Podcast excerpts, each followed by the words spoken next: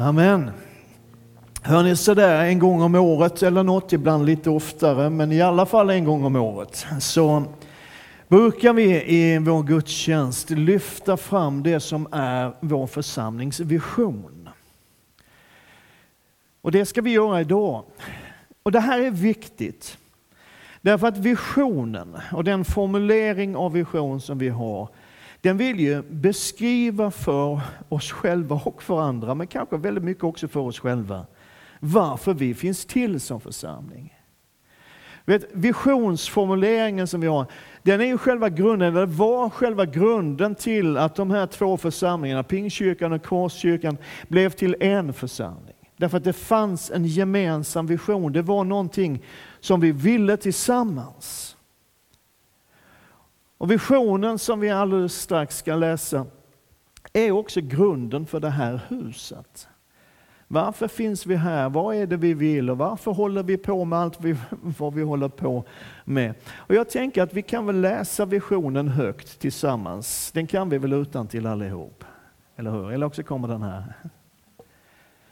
Vi vill vara en församling av människor helt överlåtna till Kristus, hängivna varandra och fast beslutna att göra Jesus Kristus känd, trodd och älskad av många fler.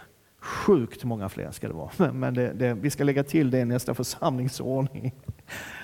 Det är vad vi vill och jag gillar den här visionsbeskrivningen eller visionsformuleringen. Inte för att den är sådär superjätteunik. Det finns ganska många församlingar, vet jag, i vårt land som har snarlika eller kanske till och med exakt likadana visionsformuleringar. Men den talar om vilka vi är och vad vi vill vara. Och den är bra därför att den talar både om det vi ser Alltså visionen, så här vill vi att vår församling ska vara. Det här är vad vi ser när vi tänker ena kyrkan, både nu och framåt.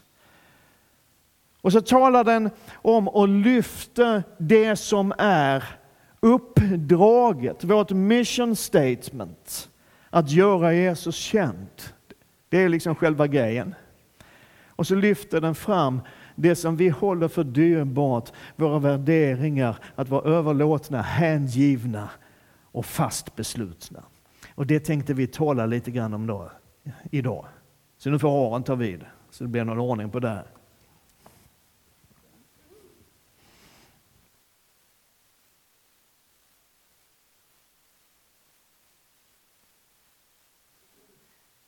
Det där skulle jag inte göra i micken, nej. Hej på er! Aron heter jag, jag är ungdomsledare här i församlingen. Jag, jag fick ta första delen här. Helt överlåtna Kristus. Och när jag, när jag liksom gått och funderat på den här predikan och när jag fick det här ämnet så bara kände jag, ah, jag tankarna gick ju. Vad är en överlåten församling? Hur ser det ut? Eh, hur är man när man är överlåten? Men så var det som att Gud bara frågade mig, hur ser en församling ut som överlåten? Vad är det för församlingar du kommer att tänka på? Vad är det för förebilder? Sa Gud till mig alltså. Du kan ju fundera på dig själv. Vad ser du framför dig? Vad tänker du på när du tänker på en församling, en kyrka som är helt överlåten till Kristus? Ser du kanske en kyrka som folk köar in till? Eller ser du kanske en kyrka med starkt engagemang för de svagaste i samhället? De hemlösa, de hungriga, de utstötta. Eller ser du kanske en kyrka framför dig med gudstjänster som de på, på Hillsong, på Bethel, på Livets Ord? Ni vet, så här, massa musik, stora högtalare, LED-väggar längst bak. Kända pastorer, Inget av det här är fel i sig, men jag tror inte något av det är kärnan i att vara en församling som är helt överlåten Kristus. Och när jag, när jag förberedde det här så kom jag att tänka på en församling som gick igenom en sån fas där de kände, de var allt det här. De var en, en utåt sett väldigt överlåten, hängiven, eh, explosiv församling. Liksom. men som kände att de tappade glöden och var tvungna att hitta tillbaka till det. Så jag tänkte berätta för er om den just nu. Och några av er kanske känner igen en person som är i, som var en av pastorerna här, Matt Redman. Är det någon som har hört det namnet tidigare? Wow! Det var ändå mindre än vad jag trodde. Okej, okay. lite historia då. Matt Redman, han är en av världens största lovsångsskrivare, som skriver lovsånger. Han har skrivit allt du lyssnar på. Nej, han har i alla fall haft ett finger med i spelet nästan. Alltså allting vi sjunger, han finns med i vår historia som kyrka liksom. Så du borde veta nästan. Gå hem och googla på Mart Redman så kommer du se att många av hans låtar har, har berört många tusen människor. Och varit ett stort föredöme. I vilket fall, det var inte honom jag skulle predika om. Eh, han har skrivit väldigt mycket musik, speciellt liksom slutet av 90-talet, början 2000 och sen varit med och påverkat massor. och Så. Men församlingen som han var med i under den här tiden, slutet av 90-tal, eller som jag skrev, slutet av det andra årtusendet, får man ju också säga. Eller hur? Soul Survivor i Watford, England. De skrev jättemycket musik, de var med om väldigt mycket. Men det smög sig in en apati i deras tillbedjan. De kände att vi tappar glöden, vi tappar hjärtat i det här. Så vad gör man? Pastorn som var pastor där då, Mike Pivalacci, underbar gubbe. Honom kan du också googla på om du lyckas stava hans efternamn. Han, han valde då att ja, men vi, tar, vi tar bort ljudsystemet. Vi tar bort bandet. Och det vi gör på gudstjänsterna är att vi tillber Gud a cappella. Vi samlas kring det bara. Ta bort alla distraktioner, allt som är i vägen.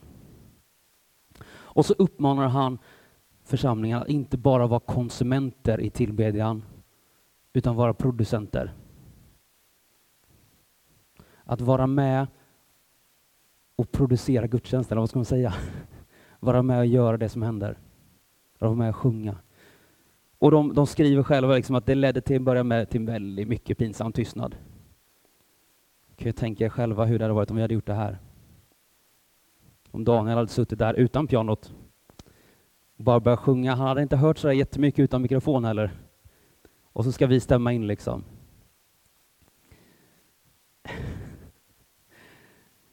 Det ledde till mycket pinsam tystnad i början. Men efter ett tag så börjar folk brista ut i lovsång och sjunga med i det som händer och vara med och tillbe Gud. Och det ledde till att det, det, de fick möta Gud på nya sätt.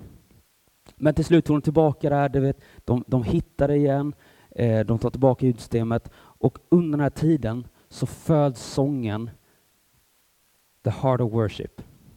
Och det är den jag vill komma till. Som summerar lite vad det, de var med om under den här tiden. Och den texten, den går så här. When the music fades and all is stripped away and I simply come. Longing just to bring something that's of worth that will bless your heart. I'm coming back to the heart of worship and it's all about you, Jesus. It's all about you. Alltså när musiken är slut, allting dör ut. Så är det bara du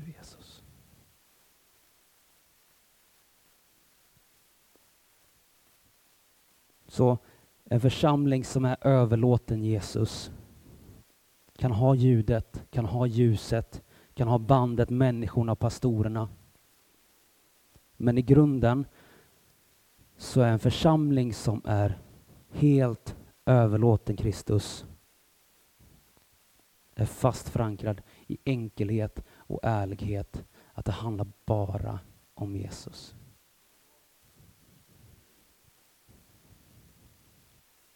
En enkelhet och ärlighet som är att liksom en sanning i sig själv att jag är inte så bra i mig själv och jag behöver en frälsare. Nu bombar jag med lite bibelord här. Matteus 5 och 3. Saliga är de fattiga i andan, för de tillhör himmelriket själva grunden för vår frälsning. En enkelhet och ärlighet att jag är inte så bra i mig själv, utan jag behöver en frälsare. En enkelhet och ärlighet i att nu lever inte längre jag, utan nu lever Kristus i mig. Galaterbrevet 2.20. En enkelhet och ärlighet i att det är Gud som verkar. Det är Gud som gör verket. Som det står här.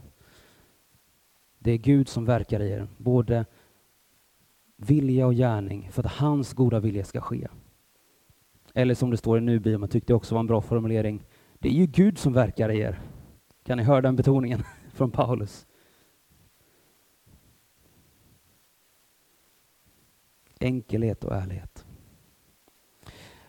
Rörelsen New Wine, som Mark Redman av en händelse är en del av, har som vision lokala församlingar som förändrar nationer. Och jag tycker den är, är så bra, den här formuleringen.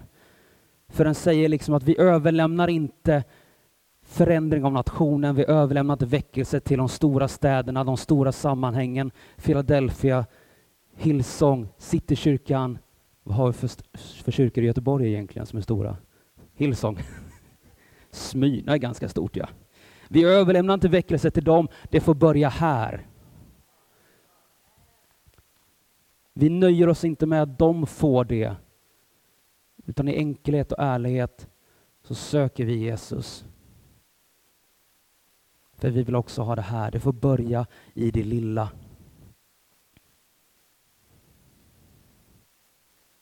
Men vet du vad skillnaden är mellan alla de här församlingarna som du tänker är lyckade, om jag får säga så, och de som inte är lyckade? Och nu är jag lite kanske provocerande här, men jag tänker vara det idag. Vad tror du själv? Vad är skillnaden mellan en lyckad församling och en inte lyckad? Jag tror det är människorna. Men det är inte mängden som gör det även om det hjälper. Det är inte heller mångfalden i hur många etniciteter man har i sin församling. Det är inte ens genomsnittsåldern. Det är inställningen hos de människorna. För i alla de församlingar som du ser upp till, som du tycker har lyckats, liksom, så finns det människor som har bestämt sig för att vara en del av det som Gud gör på den platsen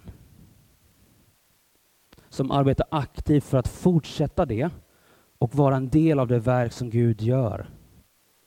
De väljer att vara närvarande och vara en del av det verket.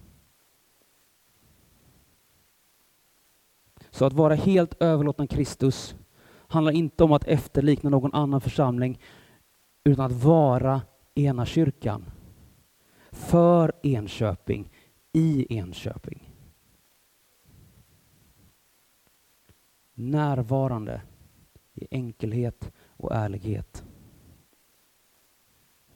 För när vi är helt överlåtna Kristus så är vi helt överlåtna hans verk där vi är. Är det bra? Och jag tror det finns en grej till. Som är liksom nyckeln för att lyckas, för att vara helt överlåtna Kristus. Och för att få tag på det så behöver vi gå hela vägen tillbaka till slutet av 1800-talet. Har ni hört om den här lilla rörelsen Frälsningsarmén? Härligt. Det är bra. Det, det är jag väldigt tacksam för. Frälsningsarmén grundades 1865 med William Booth som deras första ledare. Det här är en väckelseorganisation i starten. Det startade inte som en kyrka, det startade som en rörelse som ville ta hand om de som hade det sämst i samhället. De skriver själva att det var liksom alkoholister, prostituerade och småtjuvarna i östra London. Det, det är de som är deras, deras crowd. Av många anledningar så, så rörelsen växte och blev liksom världsvidd med missioner, mission, missionärer överallt. Och varje år så skrev William Booth ett brev som gick ut till alla församlingar, alla missionshus, alla bibelskolor, alla utposter. Det gick ut i hela världen där han beskrev vad de ska fokusera på det kommande året. Det vi gör idag egentligen. Vad är visionen för det här året?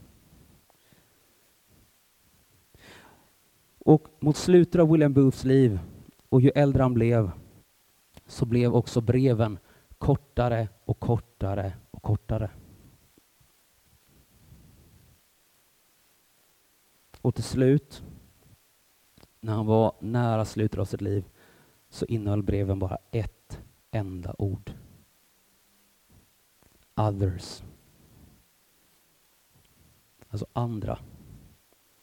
Det enda som var viktigt att fokusera på är andra människor.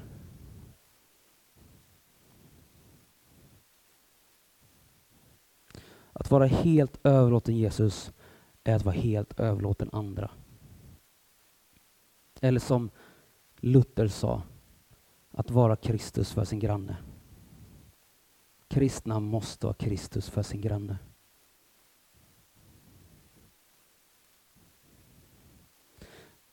Så en kyrka som är helt överlåten Kristus ser nödvändigtvis inte ut som alla de megakyrkor som vi kanske ser upp till.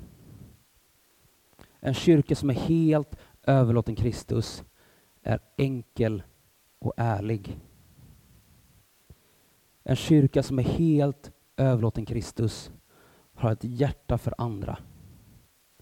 De har ett hjärta för varandra. Även där får du ta vid. Tack Aron. Hur ska man eh, kunna ta vid efter det där? Många bra citat som du har levererat. Eh, så roligt att få predika för er idag. Det var ju ett tag sedan. Vi har ju fått barn och sådär, så det känns väldigt roligt att stå här framme idag. Och jag har fått det otroligt underbara ämnet att få vara hängivna varandra, som är en del av vår vision. Vi vill vara en församling som är hängivna varandra. Men vad innebär det att vara församling? Ställer jag frågan först då. Det första exemplet som vi har på en församling, det hittar vi i Bibeln i Apostlagärningarna 2. Jesus har precis lämnat sina lärjungar. Den helige Ande har utgjutits över lärjungarna och massa människor har blivit frälsta. Och de har blivit utsända att sprida de glada nyheterna om evangeliet. Och i samband med det här, många människor blev frälsta, så blev de tvungna att träffas. De blev tvungna att börja leva så som Jesus hade undervisat dem. Det står så här. De höll troget fast vid apostlarnas undervisning och vid gemenskapen, brödsbrytelsen och bönerna. Varje själ greps av bävan och många under och tecken gjordes genom apostlarna. Alla de troende var tillsammans och hade allt gemensamt. De började sälja sina egendomar och ägodelar och delade ut till alla efter vars och ens behov. Varje dag var de troget och enigt tillsammans i templet och i hemmen så bröt de bröd och delade måltider med varandra i jublande innerlig glädje. Visst låter det härligt?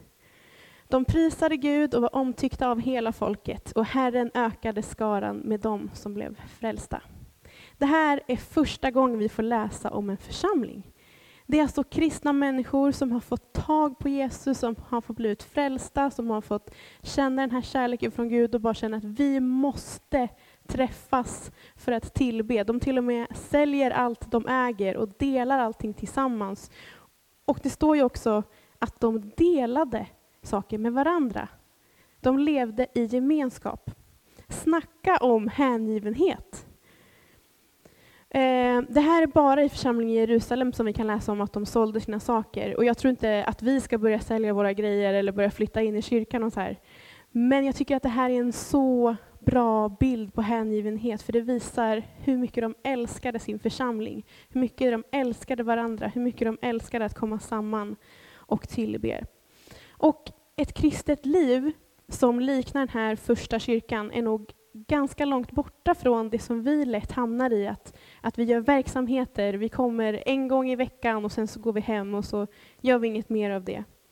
För att, att vara kyrka, det är liksom ett sätt att leva sitt liv. Att vara församling är ett sätt att leva sitt liv. Kyrka är en livsstil, inte en plats. Och att vara församling, det handlar liksom inte om att vi träffas innanför de här fyra väggarna, utan det handlar om hur vi lever våra liv. Att alla vi som kristna, vi har ju samma uppdrag, att vara Jesu lärjungar på jorden idag. Och det här ska Christer berätta mer om som är nästa del av vår mission. Eh, men vi är kallade att göra Guds verk här, både som individer och tillsammans.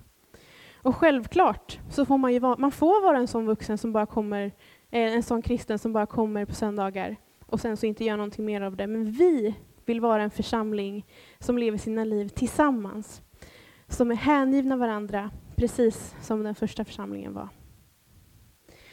Och hängivenhet, Christer pratade om det för några veckor sedan, att det handlar om att se sig själv som en gåva till andra och att se andra som en gåva till mig. Det står också med i, i vår vision att vi är en församling av människor. Och det kanske folk är så här bara, ah, nej vi är inte en församling av hundar och hästar och, och så där, utan vi är en församling av människor. Och det handlar ju om att vi är bara människor. Vi gör så gott vi kan. Och vi, det handlar ju om att vi, in, vi är inte någon förening, utan vi har en förening. Men vi är full med människor. Eh, och det är liksom inte bara liksom en medlemslista med namn på att vara församling, utan att vara församling är att, att vi har vår tro gemensamt. Och det är det som förenar oss, och det gör faktiskt oss till en familj. Vår tro gör oss till syskon. Och i en familj, vi är en familj där alla människor, olika människor får plats. Det står så här i Galaterbrevet 3.26. Alla är ni Guds barn genom tron på Jesus Kristus. Alla ni som blivit döpta till Kristus har iklätt er Kristus. Vi har Kristuskläder. Här är ni inte längre jude eller grek, slav eller fri, man eller kvinna. Alla är ni ett i Kristus. Och det här gäller oss. Vår tro på Jesus Kristus gör att vi hör ihop. Vi hänger ihop. Alltså oavsett vi vill eller inte, oavsett om det finns någon som du inte tycker om eller inte, så hör vi ihop genom vår tro på Jesus Kristus. Det står till och med i Bibeln att vi har blivit adopterade in i Guds familj.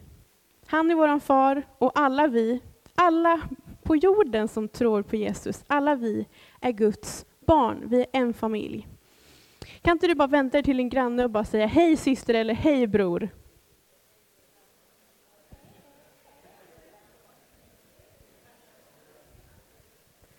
Vi är en stor familj.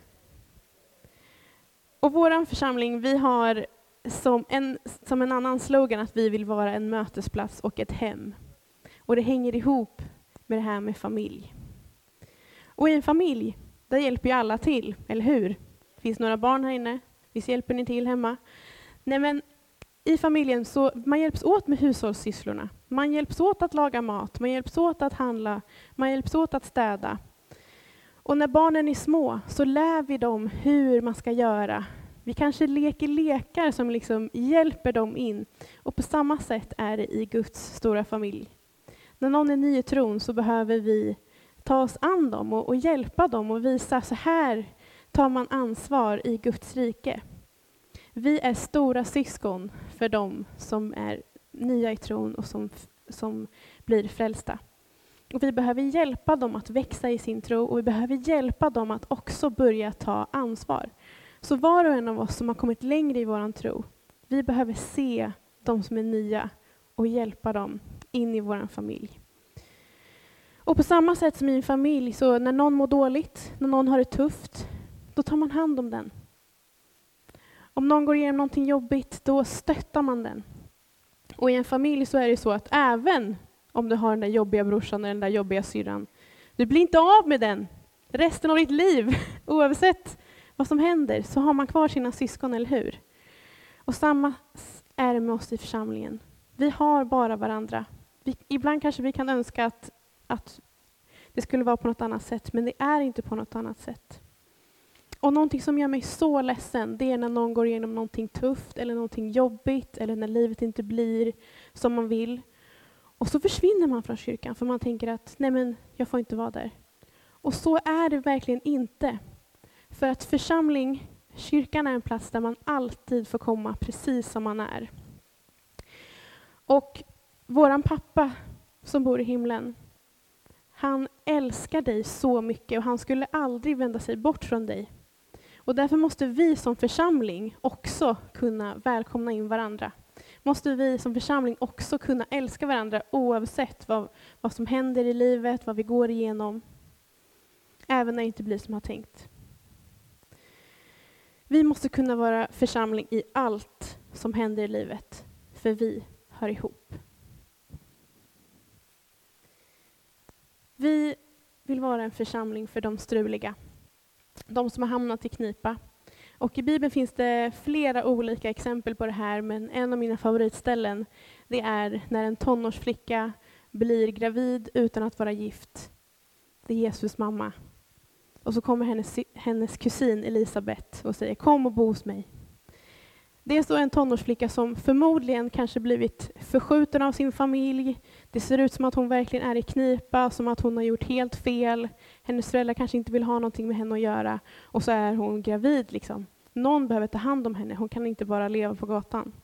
Då kommer hennes kusin Elisabet och säger, bo hos mig. Gud har visat för mig vad han har för plan för dig. Och jag tror att vi behöver vara sådana människor som tar oss an gravida tonårsflickor. Om ni förstår vad jag menar. Kom och bo hos mig, kom och var hos mig. Jag stöttar dig genom det som du går igenom i livet. För att vara hängivna varandra, det handlar om att möta människor där de är. Inte där vi vill att de ska vara. I Matteus 22 så står det så här. Du ska älska Herren din Gud av hela ditt hjärta och av hela din själ och av hela ditt förstånd. Det är det största och första budet. Sedan kommer ett som liknar det. Du ska älska din nästa som dig själv. Det är Jesus som säger det här. Och det är så viktigt, för det här är vårt nya bud. Tio Guds bud i Gamla Testamentet. Jesus liksom fullbordar dem, stryker ett streck över det.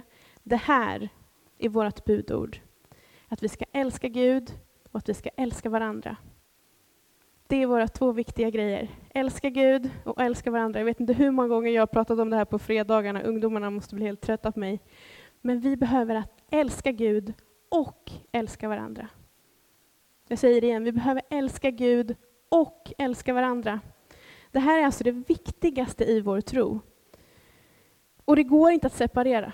Det går inte att bara hålla på och älska Gud och tänka nej, alla människor, de är ju helt knäppa. Jag vill bara älska Gud. Och det går inte heller att bara ta hand om människor och inte bry oss om Gud. Det hänger ihop. För det är det här som hela vår tro utgår ifrån. Kärlek. Gud är kärlek. Jag tycker att Johannes, ja, han är så underbar när han skriver sina brev. Eh, ni har mycket att googla, men om ni vill läsa något i Bibeln så kan ni läsa första Johannesbrevet. För Johannes skriver så här, mina älskade. Han börjar där. I kärlek. Mina älskade, låt oss älska varandra. För kärleken kommer från Gud. Så uppenbarades Guds kärlek till oss. Han sände sin enfödde son till världen för att vi skulle leva genom honom. Detta är kärleken. Inte att vi har älskat Gud, utan att han har älskat oss och sänt sin son till försoning för våra synder. Mina älskade, igen. Han säger det igen. Om Gud har älskat oss så högt, är inte vi också skyldiga att älska varandra? Är inte vi också skyldiga att älska varandra?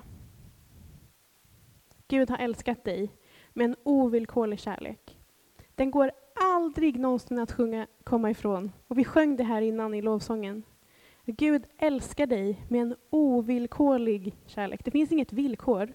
Du kan inte göra någonting för att förtjäna mer av hans kärlek och du kan inte göra någonting för att bli av med hans kärlek.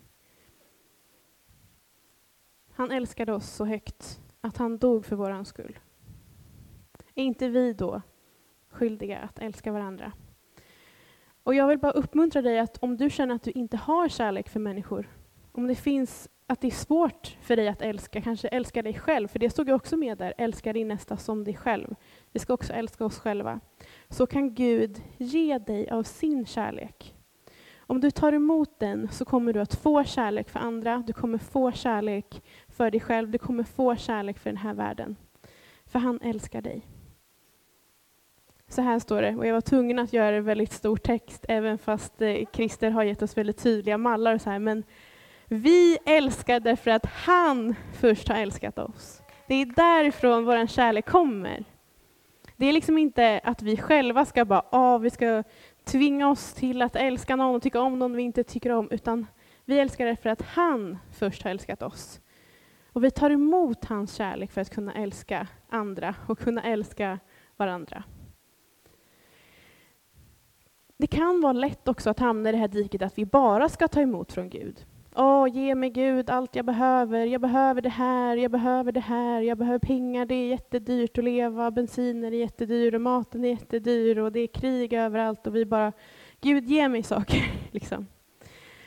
Men om man har någonting som behöver ett batteri, till exempel en dator eller en telefon eller en bil, har ni provat att bara ladda och aldrig eh, använda det som ni har? Då, då dör det till slut. Och samma, sätt är, samma sak är med oss. Om vi bara liksom, Gud fyll på mig, fyll på mig, fyll på mig, men aldrig ger ut, då dör vi. Vi kan inte bara älska Gud, vi behöver också älska människor. Och jag ska dela med mig av en liten bild. Det här är en, en damm hemma hos eh, en kompis till mig som bor i Dalarna. Den är jättestor, de har den på baksidan och vi, vi sov över där för några somrar sedan och så vaknade jag upp och satt på trappan med en kopp kaffe och bara tittade ut på den här dammen. Och jag bara, det ser ut som att den är helt stilla. Så gick jag lite närmare. Det ser ut som att den är helt stilla på den här bilden också, eller hur? Men när man gick nära så kunde man höra. Det fanns ett litet utflöde, ett litet utlopp lite längre bort. Och så kunde man se att från andra hållet så, så rann det också in vatten, men det såg ut som att det var stilla. Och då frågade jag de som bor där, är det alltid så här stilla i dammen? Liksom? Är det bara så här att det rinner lite långsamt? Och då sa de, nej, när det regnar och när det är vår, då liksom öppnas dammar och så bara forsar det vatten. Liksom. Då kan man inte bada så här som hon gör på bilden. Så det är alltid ett flöde. Det är alltid ett flöde. Ibland kan det se ut på ytan som att det står stilla, men det är alltid ett flöde. Och jag tänker att så ska det vara i våra liv också. Ibland så bara forsar vi bara tar emot från Gud, vi bara gör massa grejer. Och ibland så bara tar vi emot lite från Gud och så får vi bara välsigna andra tyst och lugnt genom livet. Och jag tror att dammen mest är så här faktiskt. Utifrån den kärleken som vi får från Gud så får vi välsigna andra, får vi vara hängivna andra. Och jag vill bara haka an på det som Christer sa eh, för några veckor sedan. How can I help? Jag tycker det är en så bra fråga att ställa. Det är någonting vi vill leva efter. Hur kan vi hjälpa varandra? Hur kan vi hjälpa de som är runt omkring oss? Vi är en församling av människor som är hängivna varandra. Och vi tar hand om det här huset tillsammans. Vi tar hand om varandra tillsammans. Vi tar hand om de svaga tillsammans. Vi vill välkomna in nya människor tillsammans. Vi vill be för den här staden tillsammans. Och vi har samma uppdrag tillsammans. Vad tycker ni om det här? Låter det bra? Jag tycker att det är så bra, för att det är som att Gud liksom, han lägger inte ansvaret för en person. Han har gett all, var och en av oss en kallelse, men vi ska göra det här uppdraget tillsammans. Och det här kan vara lite svårt ibland, för att vårt samhälle har en tendens att liksom säga, det handlar bara om dig. Det finns liksom en trend idag att man bara ska göra grejer som ger en energi. Att man bara ska vara med människor som ger en energi och att man bara ska göra grejer på sina egna villkor. Men vet ni vad? Vatten som står stilla luktar illa. Om den här dammen inte hade ett utlopp och ett inflöde, då skulle det lukta illa, det skulle börja växa skit. Samma sak är det med oss. För Gud kallar oss att leva tvärtom gentemot den här världen. För den här världen, den, den, mäter framgång kanske i pengar, i makt, i hur många följare du har på TikTok eller likes på Facebook. Men Gud, han ser till hjärtat. Och det här är helt upp och ner jämfört med vad vårt samhälle säger. Och dessutom, ska alla människor som, som tar energi från folk bara gå under? Om det är någon som är jättejobbig och alla tycker den är jättejobbig, ska den liksom bara dö av ensamhet? Nej, vi behöver ju ta hand om varandra, omfamna varandra. Och om jag bara är med människor som ger mig energi, då blir ju jag en energitjuv. Då får ju jag inte ge ut av det som Gud har gett oss. Och det är så lätt och så bekvämt att hamna där. Men jag tror verkligen att Gud utmanar oss att leva för andra och jag ska strax gå in för landning här. Men vet ni vad, att vara en församling, det är inte att vara något effektivt företag där vi liksom tar bort de delarna som går långsamt eller vi, liksom, vi sparkar de som inte gör sitt jobb eller sådär. Och det handlar inte heller om att köra sin egen agenda och köra över folk, utan vi gör det här tillsammans. Vi är en församling, vi är en familj. Vi vill vara en församling som är hängivna varandra genom att ge, ge varandra uppmärksamhet och tid och kärlek även när det kanske inte är helt bekvämt för mig själv. Och det här handlar inte om att jag ska utplåna mig själv utan att jag ska få ge ut av det som Gud har gett till mig. Vi får vara en bägare som flödar över. Och vi har alla samma uppdrag, att göra Jesus känd, trodd och älskad av många fler.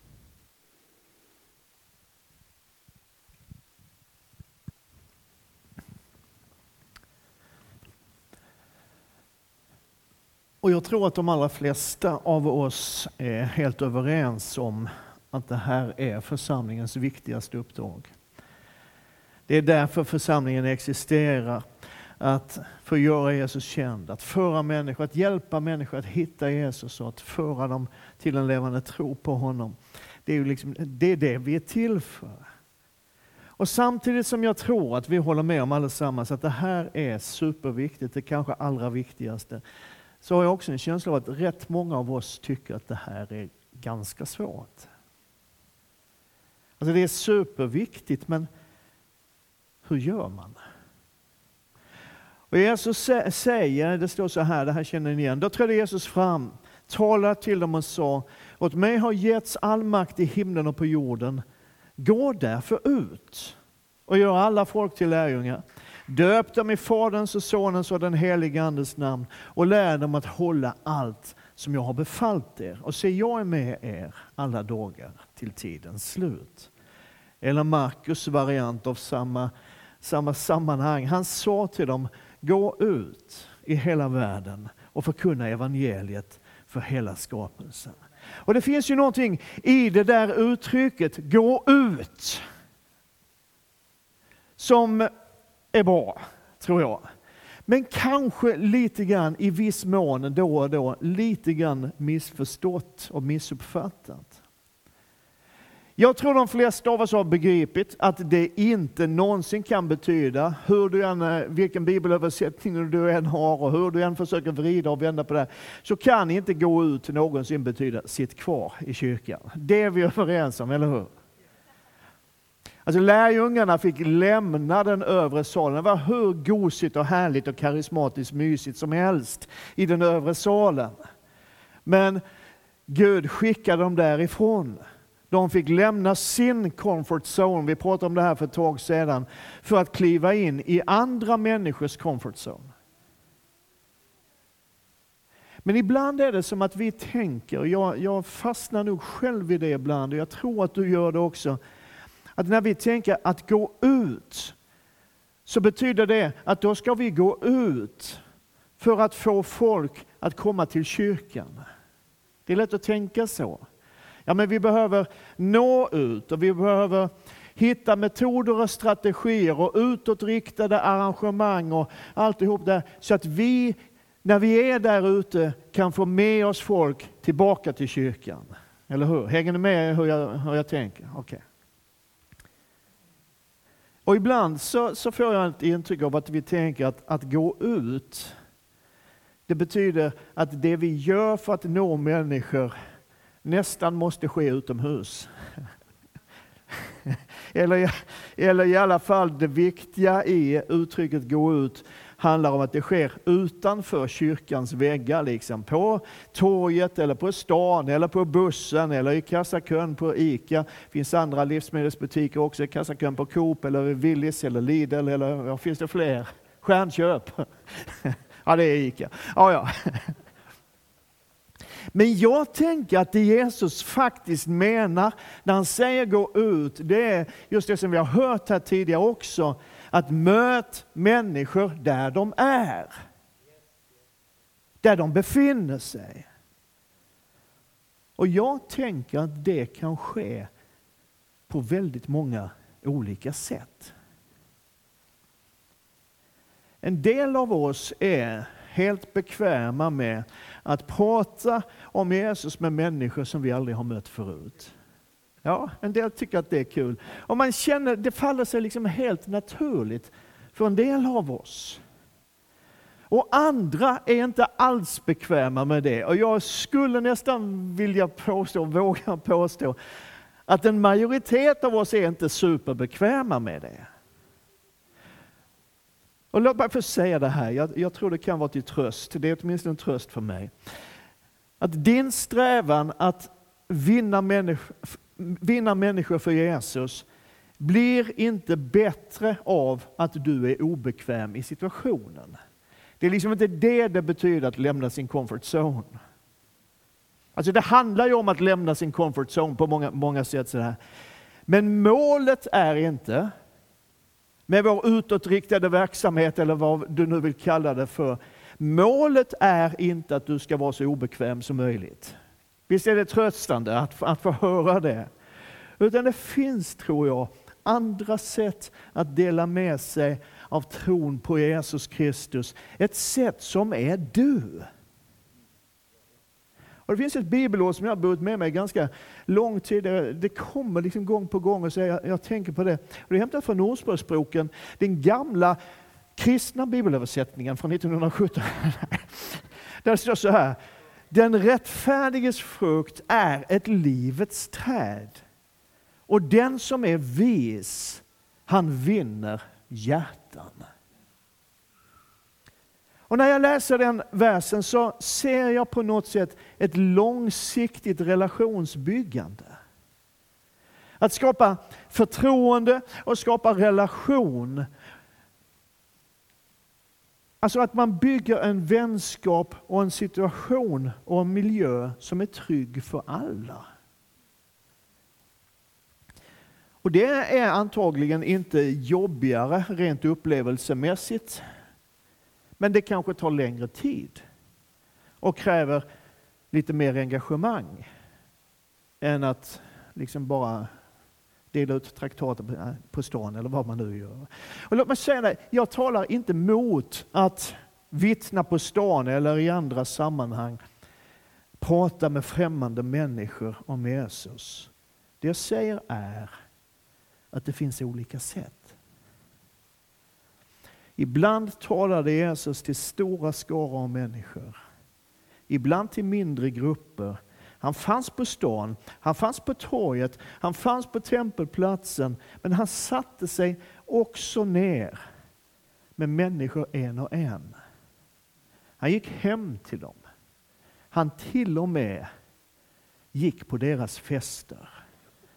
Han fanns där.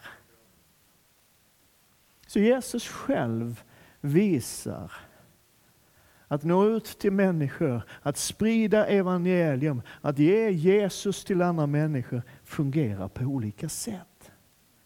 Och Gud vill leda dig genom sin Ande så att du hittar ditt sätt, ditt sammanhang och de människor som Gud har kallat dig att föra till honom. Och Jag tror också att det är väldigt väsentligt att det som vi ibland kallar för evangelisation, eller utåtriktad verksamhet, eller vad vi nu vill kalla det för, inte blir ännu en aktivitet i vår kristna verksamhet. någonting som vi gör lite då och då när andan faller på eller pastorn säger att vi ska. Utan det får vara en del av vår livsstil. Att dela tron med människor som vi möter i vardagen. Nu ska jag försöka summera det här. Lite längre predikan än vanligt, men, men eh, visst, det här har varit bra. Åtminstone fram till nu har det varit bra.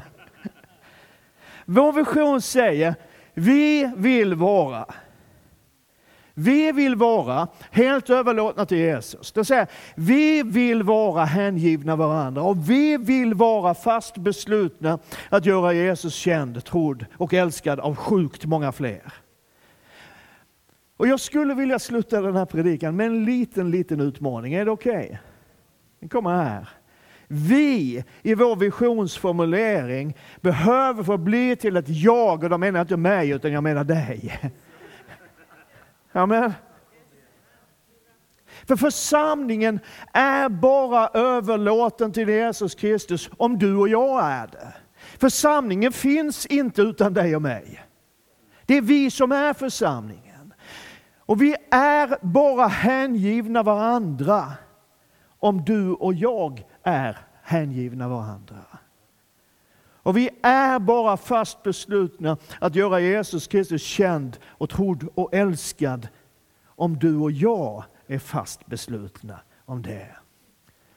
Och vi får göra det till vår egen bön, vår personliga bön. Vi ber den tillsammans därför att vi står tillsammans. Men det handlar om att jag vill vara helt överlåten till Kristus. Och att jag vill vara hängiven mina bröder och systrar. Och jag vill fatta ett beslut att göra Jesus Kristus känd, trodd och älskad av många, många fler. Amen. Ska vi be? Herre, jag tackar dig att du vill hjälpa oss, både som församling, som grupp och som enskilda. Att vara de som du vill att vi ska vara i Enköping, för människor här. Herre, jag ber att du ska komma med över oss på nytt igen med din heliga Ande. Vi vill inte tappa det, vi vill inte tappa vår hängivenhet, vi vill inte tappa vår kärlek till dig, vi vill inte tappa vår överlåtelse till dig och vi vill inte tappa bort budskapet om dig och uppdraget som du har gett oss mitt i alla våra olika aktiviteter, alla våra engagemang hit och dit som vi håller på med. Utan hjälp oss Herre att få vara fokuserade på det som är väsentligt. Amen.